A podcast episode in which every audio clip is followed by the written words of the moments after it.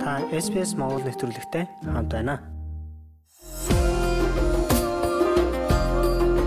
Австралид 3 дугаар сарын 23-ны өдрөөс эхлэн Рамадан сарыг тэмдэглэж байна.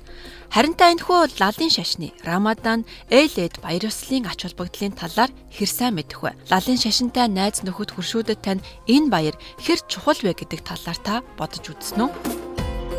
Дэлхий дээр тэр бом 970 мянган лалын шашинтай хүн амьдарч байдгийн 813 мянган Австралид байдаг. Австрал шиг олон соёлт улс оронд өөр шашин шүтлэгтэй соёлтой хүмүүстэй уулзаж, найзалж, хамтран ажиллаж үзээгүй хүнийг болоход хэцүү. Бие биенийхээ шашин шүтлэг соёлыг ойлгох, үнэлэх нь олон соёлт нийгмийн нэгдмэл байдлын үндэс юм а. Тэгвэл Рамадан гэж юу вэ? Рамадан бол исламын хуанлын тооллоор 9-р сар нь бөгөөд энэ хугацаанд насанд хүрсэн эрүүл мусульманчууд үүр цайхаас эхлээд үдшийн бүрийн хүртэл мацаг барьдаг.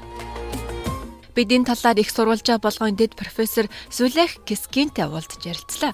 Тэрээр Мельбурн дэх Чарлиз Стюартсын их сургуулийн исламын шашин судлал, соёл иргэншлийн төвийн дэд тэргүүн юм. Рамадан бол лалын шашинтнуудын хувьд асар их суралцах буюу хөгжих, хүмүүжлийн үйл явц явагддаг сар юм. Рамадан сарыг мусульманчуудын хувьд жилийн хамгийн ариун сар гэж үздэг бөгөөд энэ нь маш онцгой сар юм хэмээн тэрэ тайлбарллаа. Хижрийн хуанлыг гэгддэг исламын хуанлын сарны дэлхийд тойрон эргэх мөчлөг дээр суурилдаг. Энэ нь нарны жилээс 10-аас 12 хоногоор богино байдаг учраас исламын огноо жил бүр өөрөөр байдаг. Энэ жилийн хувьд Рамадан сар 3 дугаар сарын 22-ноос эхлэн 4 дугаар сарын 20-ны хооронд тохиож байна. Тэгвэл мусульманчууд яагаад мацаг барих шаардлагатай байдаг вэ? Мацаг барих нь исламын 5 тулгуур багны нэг гэж үздэг.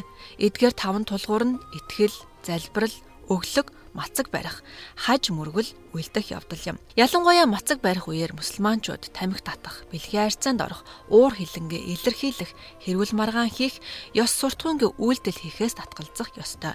Тийм шаардлагатай байдаг. За мөн үүн дээр нэмээд Коран судраа уншиж ойлгох, буйны ажил гих мэд нэмэлт мөргөл үйлдэхийг дэмждэг. Мацаг барьсныхаа дараа сүмд очицгоодог. Австралийн үндэсний их сургуулийн Араб Ислам судлалын төвийн захирал профессор Камера Лачер хэлэхдээ Рамадан бол зөвхөн идэх, уух тухай асуудал биш, илүү чухал зүйл юм. Хамгийн чухал нь энэ бол сүнслэг байдлын сар өөрийн итгэл бурхантай дахин холбогдоход зориулагдсан сар гэж профессор Лачер тайлбарласан юм а. Энэ бол бидэнд инэрэнгүй хүн байх, хоол идэж чадахгүй ядуусын хэрэгцээг ойлгох, эргэн тойрныхоо ертөнцтэй дахин холбогдоход суралцах сар юм гэж тэрээр онцоллоо. Бацаг барих нь мөн шашны залбирлаас гадна эрүүл мэндэд асар тустай гэдгийг тэрээр мөн нэмжэлсэн юм. Бие махбодын хувьд маш эрүүл учир нь энэ нь биеийн бодисын солилцоог зохицуулж биеийг аливаа хорт бодисоос сэвэрлдэг. Тиймээс энэ нь маш эрүүл үйл явц болох нь батлагдсан. Бид завсарлагтай мацаг барихт ямар чухал ач холбогдолтой болохыг мэддэг. Тэгвэл ийд гэж юу вэ? Рамадан сарын үед мусульманчууд бүтэн сар мацаг барьсны дараа Ийд гэж баяр тэмдэглэдэг. Энэ нь баяр наадам эсвэл найр гэсэн утгатай араб үг юм. Исламын хуйлд Ийд аль-Фитр болон Ил ад Ада гэдэг хоёр үндсэн баяр байдаг. Ийд аль-Фитах буюу баг баяр гэж нэрлэгддэг энэ баяр нь Рамадан сар буюу мацаг барилтын төгсөлтийг тэмдэглэдэг 3 өдрийн баяр юм. Лалын шашинтнууд Ийд баярыг угтаж байхдаа буйны өглөг өгөх үүрэгтэй байдаг. Үүнийг Закат аль-Фатир гэж нэрлэдэг бөгөөд ядуус ч мөн энэ баярыг тэмдэглэх боломжийг олгодог юм. Профессор Лачер хэлэхдээ энэ бол нийгмийн сэтгэл санааг сэргээж лалын шашинтнуудыг өршөөл эрэлхийлэхэд урайлдаг, нэгдэх уучлахын баяр юм гэлээ. Цаашлбал энэ нь хүүхдүүдэд төгжилтэй байж шинэ найз нөхдөдтэй болох соёлтойгоо танилцах боломжийг олгодог. Шинэ хувцас авч ялангуяа хүүхдүүдэд зориулсан хувцас худалдан аван гэрээ цэвэрлэх, тусгай хамттан аяг тавг бэлтгэх зэрэг нь баярын бэлтгэлийн томоохон хэсэг болдгоо. Энэ жилийн Eid al-Fitr баяр сарны байдлаас хамааран 4-р сарын 21 эсвэл 22-нд тохино.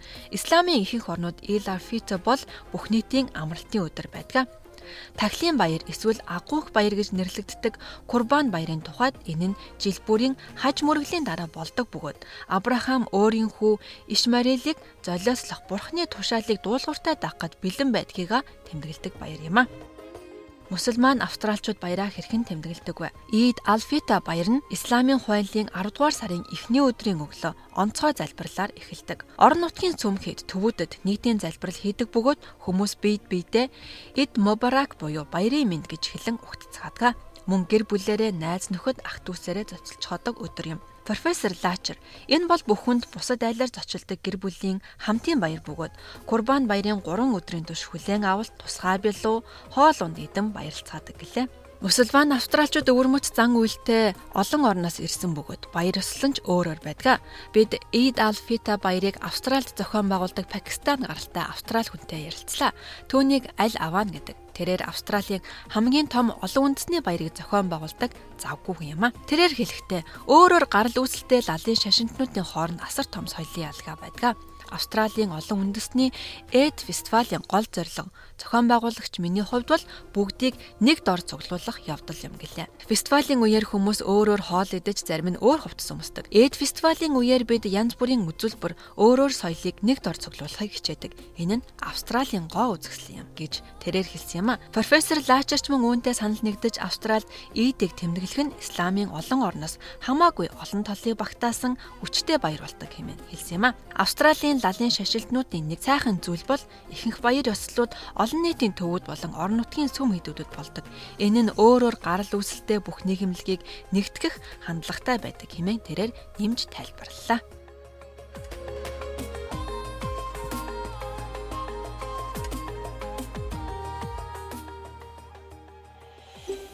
Үүнтэй адилхан бусад нэвтрүүлгийг сонсомоор байна уу? Apple Podcast, Google Podcast, Spotify эсвэл та өөрийнхөө сонсдог апп ашиглан манай нэвтрүүлэгтэй хавд байгаарай.